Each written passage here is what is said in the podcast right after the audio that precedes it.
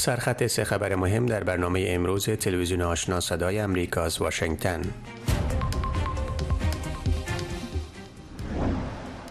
دفتر هماهنگی امور کمک های بشری ملل متحد اوچا با اظهار نگرانی می‌گوید که جامعه جهانی برای سال روان میلادی بودجه اندک را برای ادامه برنامه های امدادرسانی در افغانستان فراهم کرده است و اینکه کمبود بودجه تداوم اکثر برنامه ها را با خطر تعلیق مواجه کرده است. شهباز شریف به حیث صدر اعظم جدید پاکستان توسط مجلس ملی این کشور معرفی شد. و رقابت های حرفه‌ای و آماتور اسکی با اشتراک ورزشکاران داخلی و خارجی در منطقه خشکک ولایت بامیان افغانستان برگزار گردید. اشتراک کنندگان بر شرکت زنان در این مسابقات تاکید ورزیدند. سلام بینندگان گرامی و برنامه امروز خوش آمدین. امروز یک شنبه سوم ماه مارچ سال 2024 میلادی هست برنامه امروز به طور مستقیم از طریق وبسایت و فیسبوک تلویزیون آشنا صدای امریکا و همچنین در رادیو روی موج متوسط 972 کیلوهرتز. به نشر می‌رسد من محمد احمدی هستم. دفتر هماهنگی امور کمک های بشری ملل متحد یا اوچا با اظهار نگرانی می‌گوید که جامعه جهانی برای سال روان میلادی بودجه اندک را برای برنامه های امداد رسانی در افغانستان فراهم کرده. فوزی احسان در استودیو هست با شرح بیشتر. شهباز شریف به حیث صدر اعظم جدید پاکستان توسط مجلس ملی این کشور معرفی شده است. معلومات بیشتر را از پشاور از خبرنگار صدای آمریکا مسکا صافی خواهیم داشت. با ما همراه باشین. نخست با خبرهایی در مورد افغانستان. دفتر هماهنگی امور کمک های بشری ملل متحد یا اوچا با اظهار نگرانی گفته است که جامعه جهانی برای سال روان میلادی بودجه اندک را برای ادامه برنامه های امداد رسانی در افغانستان فراهم کرده است و کمبود بودجه ادامه اکثر برنامه ها را با خطر تعلیق مواجه کرده است. اوچا با نشر گزارشی گفته است که برای تداوم برنامه های بشردوستانه در افغانستان تا سال 2024 میلادی بیش از 3 میلیارد دلار فراخوان داده شد اما تاکنون بخش اندک آن تامین شده است برای معلومات بیشتر قسمی که عرض کردم همکارم فوزی احسان این خبر را دنبال کرده و در استودیوس فوزیه نادهای بشر دوستانه برای رسیدگی به نیازمندان به چقدر هزینه که لازم هست نیاز دارن و چقدر از این هزینه ها تابال دریافت که شده و این نگرانی چیست؟ تشکر آقای احمدی و سلام به شما و شنونده های گرامی سال در البته کمک های بشر دوستانه در سال 2023 به بیش از 32 میلیون نفر تحت پوشش قرار داده بود. البته این افراده. اما در سال 2024 از مجموع 3.6 میلیارد دلار مورد نیاز این نهادها تنها 87 میلیون نفر کمک دریافت شده است کرده است. در این وضعیت بسیاری از برنامه های کمک به نیازمندان را به خطر انداخته است. از جانب دیگر طبق گزارش دفتر هماهنگی امور کمک های بشر دوستانه سازمان ملل یا اوچا از ماه جنوری تا ماه دسامبر سال 2023 کمک کننده های بشری در افغانستان به 26.3 میلیون نفر کمک غذایی فراهم کردند. سازمان های کمک های بشری در این مدت همچنان به 9.9 میلیون نفر کمک های صحی آب آشامیدنی و همچنان وسایل بهداشتی فراهم کردند و در این مدت همچنان 5.7 میلیون کودک زنان حامله مادران شیرده کمک های تقویت غذایی دریافت کردند. در این جریان همچنان به 3.5 میلیون تن کمک های حفاظتی برای 2 میلیون طفل کمک های تعلیمی و برای یک میلیون تن دیگر سرپناه اضطراری و سایر لوازم مورد نیاز فراهم شده. در مجموع در سال 2023 بیش از 32 میلیون تن, البته در افغانستان تحت پوشش کمک های بشر دوستانه قرار گرفته و 27.6 میلیون نفر از این کمک ها به صورت مستقیم مستفید شدند. بخشی از هزینه این کمک ها که 85 میلیون دلار بوده از بودجه اختصاصی سال 2022 منتقل شده و 1.47 میلیارد دلار دیگر این کمک ها بودجه اختصاصی برای سال 2023 بوده است. اما طبق گزارش اوچا به دلیل کمبود منابع در کمک های غذایی و سهمیه ها کاهش به وجود آمده است. در نتیجه کاهش منابع 18 میلیون نفر کمک های غذایی دریافت نکرده و همچنان 3.4 میلیون تن دیگر تنها نصف سهمیه مورد نیاز را دریافت کردند. آقای احمدی؟ تشکر از شما خانم احسان که شرح بیشتر این گزارش ملل متحد را بیان داشته. نهاد مدافع حقوق بشر موسوم به کنشگران حقوق بشر افغانستان با نشر فراخانی خواستار رسیدگی به مسئله تبعیض سیستماتیک و نهادی نشده طالبان علیه زنان در محاکم بین المللی شده است. این نهاد امروز یک شنبه با نشر اعلامیه گفته است که افغانستان به هفت کنونسیون مهم بین المللی حقوق بشری به شمول کنونسیون منع هر نوع تبعیض علیه زنان ملحق شده و ملزم به رعایت آن است. این کنونسیون بر حقوق اساسی زنان همچنین مثل حقوق مشارکت سیاسی، آموزش کار، آموزش کار، دسترسی به خدمات صحی، آزادی ازدواج و سایر حقوق فرهنگی، اقتصادی و اجتماعی زنان تاکید کرده است. کنشگران حقوق بشر گفته است که طالبان در بیش از دو نیم سال گذشته تمام مفاد این کنونسیون و سایر کنونسیون های حقوق بشری را به گونه سیستماتیک نقض کردند. وزارت دولت در امور رسیدگی به حوادث طبیعی حکومت طالبان می‌گوید که در دو هفته گذشته بر اثر سرمای هوا، بارش برف، باران و سیلاب در چندین ولایت افغانستان 20 تن جان باخته و 14 تن زخمی شدند. علاوه بر این تلفات از اول تا دوازدهم ماه جاری خسارات مالی به باشندگان 14 ولایت نیز وارد شده است. جانان سایق سخنگوی این وزارت گفت که در این مدت 452 منزل مسکونی تخریب شده و بیش از 5000 مواشی نیز تلف شده است.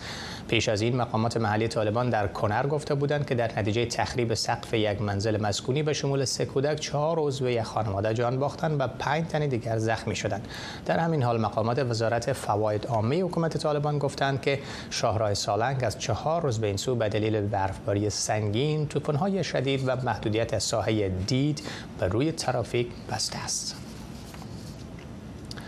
مجلس ملی پاکستان امروز شهباز شریف را به حیث صدر اعظم جدید این کشور معرفی کرده است. قرار است به زودی رئیس جمهور جدید پاکستان نیز معرفی گردد. اکنون برای کسب معلومات بیشتر در مورد وضعیت بعد از انتخابات و معرفی صدر اعظم جدید پاکستان با مسکا صافی خبرنگار تلویزیون آشنا در پشاور صحبت می‌کنیم. مسکا سلام خسته نباشی. روند انتخاب و معرفی صدر اعظم جدید امروز چگونه بود و اعتراضات به نتایج انتخابات در پاکستان فعلا در چه وضعیتی هست؟ سپاس از شما انتخابات پاکستان که خیلی هم جنجالی بود. بالاخره پس از گذشته 25 روز صدر پاکستان گزین گردید و طبق قانون پاکستان قبل از اینکه نمایندگان مجلس صدر پاکستان را انتخاب کنند اول رئیس مجلس ملی انتخاب میگردد و به تاریخ اول مارچ هم ایاز صادق و حیث رئیس مجلس ملی انتخاب گردیده بود که امروز شعباز شریف پس از آن که با کسب 201 رای از همه پیشتاز باقی ماند. ایاز صادق وی را به حیث صدر پاکستان اعلام کرد و رقیب وی که عمر ایوب بود نتوانست که با کسب 92 آرا از برنده این رایزنی شود. از سوی دیگر حکومت ائتلافی که مشتمل بر دو حزب بزرگ حزب مسلم لیگ و حزب مردم می باشه و چندین احزاب کوچک دیگر کرسی رئیس جمهوری آصف علی زرداری را معرفی کرده است. و تحریک انصاف پاکستان محمود خان اچنزی که رهبر حزب عوامی ملی پشتونخوا می باشد را به حیث رئیس جمهور معرفی کرده و قرار است به تاریخ 9 مارچ یک رایزنی مخفی میان اعضای مجلس ملی مجلس چهار ایالت و مجلس سنا برگزار گردد که در آن معلوم شود چه کسی رئیس جمهور پاکستان خواهد بود در انکشاف دیگر کنسولگری حکومت طالبان در شهر کراچی پاکستان از راههای ده ها مهاجر افغان از زندانهای ایالت سند و انتقالشان به افغانستان خبر دادم جزئیات بیشتر در این باره چی است؟ کنسولگری افغانستان که در کراچی است و تحت کنترل طالبان می باشد در شبکه با نشر یک پیام از آزاد ساختن چل تن یا چل شهروند افغان به شمول یک زن اعلام کردند که آنها را آزاد کرده و به افغانستان منتقل کرده و این جمله زندانیانی بودند که بنابر نداشتن مدارک اقامت و همچنان ادعیشان هم کارتاشان از بین رفته بود زندانی گردیده بود و پیش از این کنسولگری گفت گفته بود که در زندان های سند تا حدود 300 زندانی افغان دیگه هنوز هم هست که به خاطر آزاد کردنشان تلاش های هم در است. بله. سپاس از شما مسکا صافی خبرنگار تلویزیون آشنا صدای آمریکا که شرح بیشتر داره در مورد انتخابات و وضعیت مهاجرین افغان در پاکستان. بندشین خسته نباشید. ستاد انتخابات کشور ایران آخرین نتایج شمار آرای دوازدهمین دوره انتخابات مجلس شورای اسلامی و ششمین دور خبرگان رهبری آن کشور را در 198 حوزه از 208 حوزه انتخاباتی اعلام کرد و بر اساس آن انتخابات مجلس در 21 حوزه انتخابی از 15 ولایت به دور دوم کشیده شده است. در همین حال گمان زنی درباره شمار بالای آرای باطله ریخته شده و صندوق ها افزایش یافته است. به دلیل سانسور مطبوعات و رسانه ها و فقدان ناظرین مستقل در جریان انتخابات ایران دقیق بودن آمار شرکت کنندگان در این انتخابات نیست همچون انتخابات گذشته میسر نیست. رسانه دولتی ایران صبح یکشنبه از ستاد انتخابات کشور گزارش داد که انتخابات مجلس شورای اسلامی در برخی حوزه ها از جمله تهران پایتختان کشور به دور دوم کشیده شد. نشر ویدیوهای حملات هوایی نظامی بر شهر غربی خان یونوس توسط اسرائیل، ارسال کمک های طبی و نفت توسط سازمان جهانی صحت و شفاخانه الشفا در غزه و برگزاری رقابت های اسکی در ولایت بامیان عناوین چند خبر و گزارش است که بعد از یک وقفه کوتاه تقدیم می شود. روز بین المللی زن مکسی بر وضعیت حقوق بشری و آزادی های فردی و مدنی زنان در افغانستان زیر سلطه طالبان چالش های فراروی زنان و دختران در افغانستان معرفی زنان تأثیر گذار و مطالب دیگر مرتبط به زنان را در ویژه برنامه های تلویزیون، رادیو، وبسایت و شبکه های اجتماعی صدای امریکا و تاریخ 8 مارچ و فراتر از آن فراموش نکنید. روز یکشنبه پس از حملات اسرائیل بر یک منزل مسکونی در حالی فلسطینی ها در رفح برای جستجوی افراد از زیر آوار ادامه دادند که اردوی اسرائیل ویدیوهای حملات هوایی نظامی بر شهر غربی خانیونوس را نشر کردند. در این حال سازمان جهانی صحت می‌گوید که کمک های طبی و نفت را به شفاخانه الشفا در غزه رسانیدند و از وضعیت مریضان و کارمندان صحی این شفاخانه بازدید کردند. خبرگزاری اسوسییتد پرس و رویترز گزارشهایی را در این باره تهیه کرده است. اردو اسرائیل ویدیوهای حملات هوایی بر منطقه خانیونس در غرب غزه را منتشر کرده است. این حملات هوایی جزء عملیات نظامی اردوی اسرائیل جهت تجدید حملات این کشور و این منطقه در باریکه غزه می باشد. اردو اسرائیل ادعا می کند که آنها زیربناهای تروریستی و دشت افغانان حماس را از بین بردند این اقدام در زمان اتخاذ می که یک مقام ارشد امریکایی چهار چوکات آتشبس پیشنهادی برای غزه را به خاطر آزادی های اسرائیلی به امضا رسانیده است و اکنون حماس با آن باید توافق نماید. این در حال است که سازمان جهانی صحت کمک های طبی و تیل را به شفاخانه الشفا در شمال غزه رسانیده است و وضعیت مریضان و کارمندان را از نزدیک بررسی نمودند. عبدالنصیر سبها می‌گوید که در شفاخانه امکانات طبی کم است. شفاخانه الشفا بیشتر از 600 مریض را پذیرفته است. کمبود ادویه دارند. سازمان جهانی صحت با رساندن کمک ها برای ادامه خدمات شفاخانه کمک زیاد کرده تا ما بتوانیم این خدمات را بیشتر بسازیم. کارگران تیبی کمک های زیادی برای ادامه فعالیت شفاخانه الشفا نیاز دارند. این شفاخانه با کمبودات زیادی به دلیل جنگ حماس و اسرائیل روبروست. ما به زودی به بسیار چیزها در اینجا نیاز داریم. ما می خواهیم هیئت از اینجا دیدن کند و شاهد زجر و عذاب مردم در شفاخانه شفا باشند. به خاطر که رقم زیاد افراد زخمی هر روز اینجا می رسد و ما منابع طبی و کارمندان صحی و توانایی تداوی آنان را نداریم. به طور مثال شعبه رادیولوژی هفته دو روز فعال است در حالی که هر روز با نیاز است. یکی از مقامات گفتند که اسرائیل کم و بیش پیشنهاد آتش بس را پذیرفته است که به اساس آن شش هفته آتش بس به خاطر تبادله زندانیان فلسطینی و های اسرائیلی برقرار خواهد شد. از سوی دیگر پس حملات هوایی اسرائیل و شهر رفح مردم برای پیدا کردن اعضای کانادا از زیر آوار تلاش دارند. وزارت دفاع فلسطین با نشر ویدیوی در رسانه اجتماعی کارمندان خود را نشان می‌دهد که مشغول عملیات نجات هستند. خبرگزاری رویترز به طور مستقل صحت این ویدیوها را تایید نکرده است ژیلا نوری تلویزیون آشنای صدای امریکا واشنگتن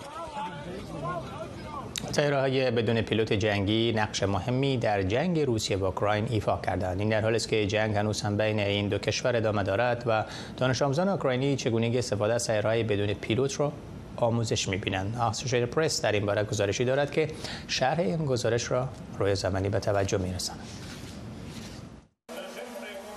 از اول نوامبر سال 2023 به این طرف چگونگی استفاده از سیاره های بدون پیلوت نو FPV در سنوف دهم و یازدهم اوکراین تدریس می شود این آموزش در چارچوب برنامه دفاع از اوکراین در سنف و در داخل مراکز آموزش ملی و میهنی انجام می یابد.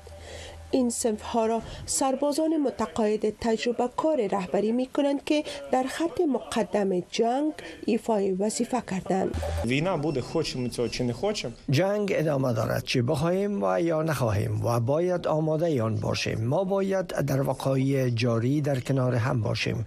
در حالی که ممکن است تکنولوژی های جدید ایجاد شود اما اساس یکسان باقی میماند. بنابراین ما دانش آموزان را با دانش بنیادی آماده می سازیم کمک های اولیه پروتکل های امنیتی و آموزش تکتیکی همچنان بخشی از درس های این سنف ها می باشد متخصصان استدلال می کنند که همچون معلومات برای شهروندان یک کشور در حال جنگ بسیار مهم است. واقعیت این است که جنگ ادامه دارد. بنابراین این علم برای همه ضروری است. علاوه بر این کنترل تیاره های بی پیلوت برای زندگی یک ملکی و عملیات های نظامی ضروری است. تغییر در برنامه های درسی شاگردان اوکراینی یک ماه پس از آن صورت گرفت که پروازهای تیاره های بدون پیلوت را به برنامه درسی دانش آموزان سنف های ده و یازده آن کشور اضافه کرده است. رویا زمانی تلویزیون آشنای صدای امریکا واشنگتن. هزاران دکتر در سیول پایتخت کره جنوبی امروز برای اظهار حمایتشان از دکتران جوانی تظاهرات کردند که تقریبا برای دو هفته است به خاطر پلان حکومت به افزایش سریع شمار ورودی های مراکز آموزش طب در اعتصاب هستند. این راهپیمایی در حالی است که حکومت کره جنوبی گفته است که روز دوشنبه تعلیق جواز طبابت حدود 9000 محصل دوره کارآموزی را به خاطر سرپیچیشان از فرامین حکومتی به پایان دادن اعتصابشان آغاز خواهد کرد. این اعتصاب دکتران باعث اخلال در فعالیت های شفاخانه شده است. هیچ گزارشی از خشونت در این راهپیمایی وجود ندارد. سندروم مرگ ناگهانی در میان کودکان یک اتفاق نادر و ویرانگر است که سالانه نزدیک به 400 خانواده را در ایالات متحده متاثر می‌سازد. یک مطالعه موفقیت آمیز توسط پانتون نیویورک نشان می‌دهد که امید تازه‌ای برای پیدا کردن علت برخی از این مرگ‌های ناگهانی و غم وجود دارد. ارون رانین خبرنگار صدای آمریکا در شهر نیویورک گزارشی را در این باره تهیه کرده است. خانواده بیگان یکی از خانواده هایی است که کودکشان را به طور ناگهانی از دست دادند و حالا با از دست دادن غیر قابل توضیح طفلشان در سوگ آن به سر می‌برند. دخترشان روزی در سن دو سالگی به یک بارگی به طور ناگهان درگذشت. لورا بیگان مادر کودکی است که بر اثر سندروم مرگ ناگهانی از بین رفت.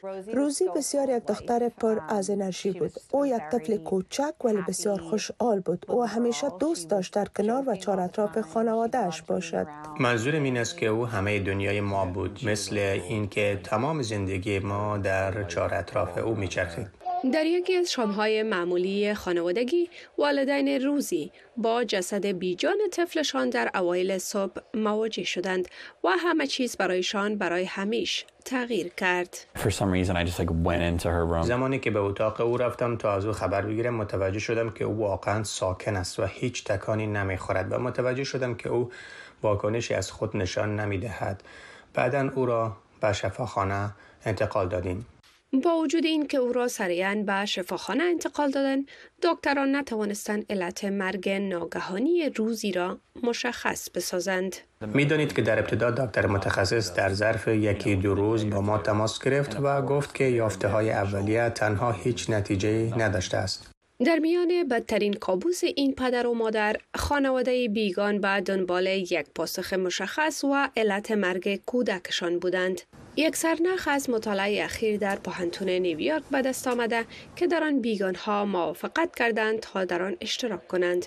محققان فیلم های کمره های اتاق خواب روزی و چند طفل دیگر را به دقت بررسی کردند و علت احتمالی مرگ زودهنگام و ناگهانی این اطفال را کشف کردند که عبارت از موجودیت مجموعی از تشنج ها و انحرافات عصبی بوده است. در هر پنج فیلم ضبط شده یک رویداد تشنجی یا حمله عصبی را قبل از اینکه طفل از بین برود نشان می‌داد. دیدم که حمله بسیار کوتاه بود و در کمتر از یک دقیقه برای افراد دخیل شوکه کننده بود. لورا گولد این تحقیقات را رهبری می کند. او خودش نیز به طرز غمانگیز دختر خردسالش را به دلیل همین وضعیت صحی در 15 ماهگی از دست داده است. تشنج های مشاهده شده در ضبط های کمره های فیلمبرداری همراه با نتایج کالبوت شکافی می تواند و درک عمیقتر ما کمک کند. آیا چیزی وجود دارد که بتوانیم از نمونه های کالبوت شکافی مطالعه کنیم و تشخیص دهیم چی چیزی در آن کودکان متفاوت بوده است و سپس بر اساس آن می توانیم برای درک عوامل خطر و شناسایی کودکان در معرض خطر استفاده کنیم. با افزایش روزافزون استفاده کمره های کوچک فیلمبرداری در اتاق خواب کودکان امید کمی وجود دارد که ممکن است در نهایت علل واقعی این مرگ و میرهای ناگهانی مشخص شود. فرخنده پیمانی صدای امریکا واشنگتن. در عصر و زمان تغییر که جهان نامطمئن به نظر می رسد و آنچه میشنویم منعکس کننده آنچه می‌بینیم نیست ما به دنبال حقیقت میبراییم وقتی تنها بخشی از حقیقت و آنچه اتفاق افتاده به ما گفته می شود اعتماد از بین می رود رویاها آرزوها و خواهشاتمان برای یک فردای بهتر و مطبوعات آزاد بستگی دارد. در صدای امریکا ما روایتگر گزارش هایی هستیم که مردم برای دیدن آن خطر را متقبل می شوند ما در صدای امریکا جهان را با حقیقت به هم نزدیک و متحد می سازیم ما تصویر کامل حقیقت و آنچه را که اتفاق افتاده به شما بازگو می کنیم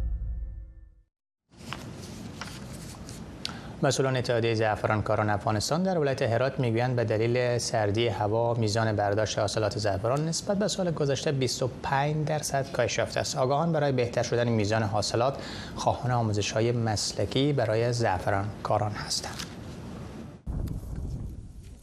کاهش میزان تولید زعفران در ولایت هرات بر اساس آمارها از مجموع 8000 هکتار زمین های زیرکشت زعفران امسال در حدود 30 تن زعفران برداشت شده است مسئولان اتحادیه زعفرانکاران افغانستان دلیل کاهش 25 درصدی در حاصلات زعفران را سردی بیش از حد زمستان سال گذشته عنوان می کنند. امسال هم ما مثل سال قبل کاهش تولید داشتیم به خاطر سردی هوا بود که زمستان بسیار سردی داشتیم. زفران ما متضرر شد. البته همه در مجموع هم ولسوالیار نمی‌تونیم بگیم. بیشتر ولسوالیار غرب ایراد بیشتر به سردی متضرر شده و شرق ایراد و طرف شمال و جنوب کمتر متضرر هم از این نوعیه. مسئولان اتحادیه زعفرانکاران افغانستان میگن افزایش قیمت زعفران میزان علاقه دهقانان به کشتان را افزایش داده و بر اساس پیش بینی ها 1500 هکتار زمین دیگر در سال پیش رو زعفران کشت خواهد شد. ما از یک مزرعه ده جریبی سال گذشته حدود, یاز... حدود 11 کیلوگرم زعفران برداشت کردیم اما متاسفانه امسال از همون زمین ها ما کمتر از 3 کیلوگرم زعفران برداشت کردیم و این نشان دهنده یک افت تولید بسیار شدید هست که زعفرانکاران نگران از این مسئله هستند. آگاهان زراعتی می‌گویند برای افزایش میزان حاصلات زعفرانکاران باید تحت آموزش های مسلکی و حرفه‌ای قرار بگیرند. این چیز مسلمه. وقتی که ما 600 هکتار زمین تحت کشت اضافه می‌بریم خوب به همون دارم ما قوی بشری نیاز داریم که نو میای وارد میشه در این کشت. اونا آموزش می‌خوان. مسئولان در اداره زراعت ولایت هرات خشکسالی را یکی از علتهای کاهش میزان حاصلات زعفران می‌خوانند. خوشبختانه ما خوشحال هستیم که مردم ما باز هم کشت زعفران رو به افزایش است و را افزایش میده. و ما ریاست زراعت همیشه هر وقت به مردم اطمینان داده که ما همکار شما هستیم. و این تونیه که ما وعده دادیم انشالله بس کار نمی کنیم صد صد کار هم می‌کنیم زعفران بدیل مناسب کشت کوکنار خوانده می شود.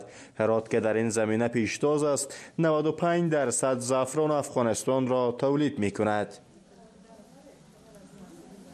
منطقه خشکک ولایت بامیان شاید برگزاری رقابت‌های حرفه‌ای و آماتور اسکی بود. شرکت کنندگان داخلی و خارجی که شمارشان به 180 نفر می‌رسید در کنار اینکه طبیعت و کوههای پربرف بامیان را برای اسکی مساعد عنوان کردند، بر شرکت زنان در مسابقات تاکید ورزیدند. بامیان در سالهای پسین شاهد برگزاری رقابت‌های اماتور و حرفه‌ای سیکی در دامنه تپه‌ها و کوههای پربرف خود بوده است که در آن زنان و مردان از داخل و خارج افغانستان شرکت می‌ورزیدند. امسال نیز پس از برفباری‌های کافی های سپید کوههای بامیان پای علاقمندان داخلی و خارجی اسکی را به آنجا کشانید. ورزشکاران ضمن استقبال از راه اندازی چنین برنامه‌ها از کمبود امکانات و عدم وجود یک میدان میاری در این ولایت شکایت دارند. علاقمندی به این ورزش به حدی بوده است که حتی برخی اشتراک کنندگان را واداشته است تا با سیکی چوبی به میدان رقابت بیایند. ما نبود داریم نه اسکی داریم که قچیده ما از این از چوب جار کردیم این چوب است قفش از بشکه زدیم روغن دیگه کوکه کردیم دیگه یعنی چی میره زدیم کوکه کردیم اینجا شیر دپوت موکم می‌کنیم دیگه از شما خواهش می‌کنیم که بود برید یک اسکی برید که ما اسکی کنیم. دیگه آن نداریم فقط امزی چه باش دیگه مدت 8 سال شده یا 9 سال شده که من این تمرین اسکی رو دارم و دمی ورزش واقعی بسیار دارم که بسیار زحمت کشیدم همه روزه تمرین دارم در بخش زمستانی. دیگه در همه مسابقات زمستانی که برگزار می شود اشتراک می‌کنیم. چندین مسابقه هست که ما بودیم. یا اولین مسابقه من نیست که ما اول شدم قهرمان هستم. دیگه ولی که وسایل خوب به دسترس ما قرار نداره در سالهای قبل از حاکمیت طالبان حضور زنان و دختران سیکی باز در این دامنه های کوه سپید برجسته و محسوس بود. اما اکنون نبود زنان در این رقابت ها حتی برای اشتراک کنندگان خارجی نیز قابل لمس بوده است. البته که این یک دیدگاه غربی است و شما می توانید هر قسم که خواسته باشید استنباط کنید. فکر می کنم مدغم کردن زنان در این ورزش قسمی که در سال 2020 ما شاهد آن بودیم نهایت مهم است و نیم دیگر پیکر بشریت را تمثیل می کند انا شهروند سلوانیا که خود مربی سیکی در بامیان بوده است می‌گوید که زنان نیز حق دارند برای تربیت سالم بدنشان ورزش کنند.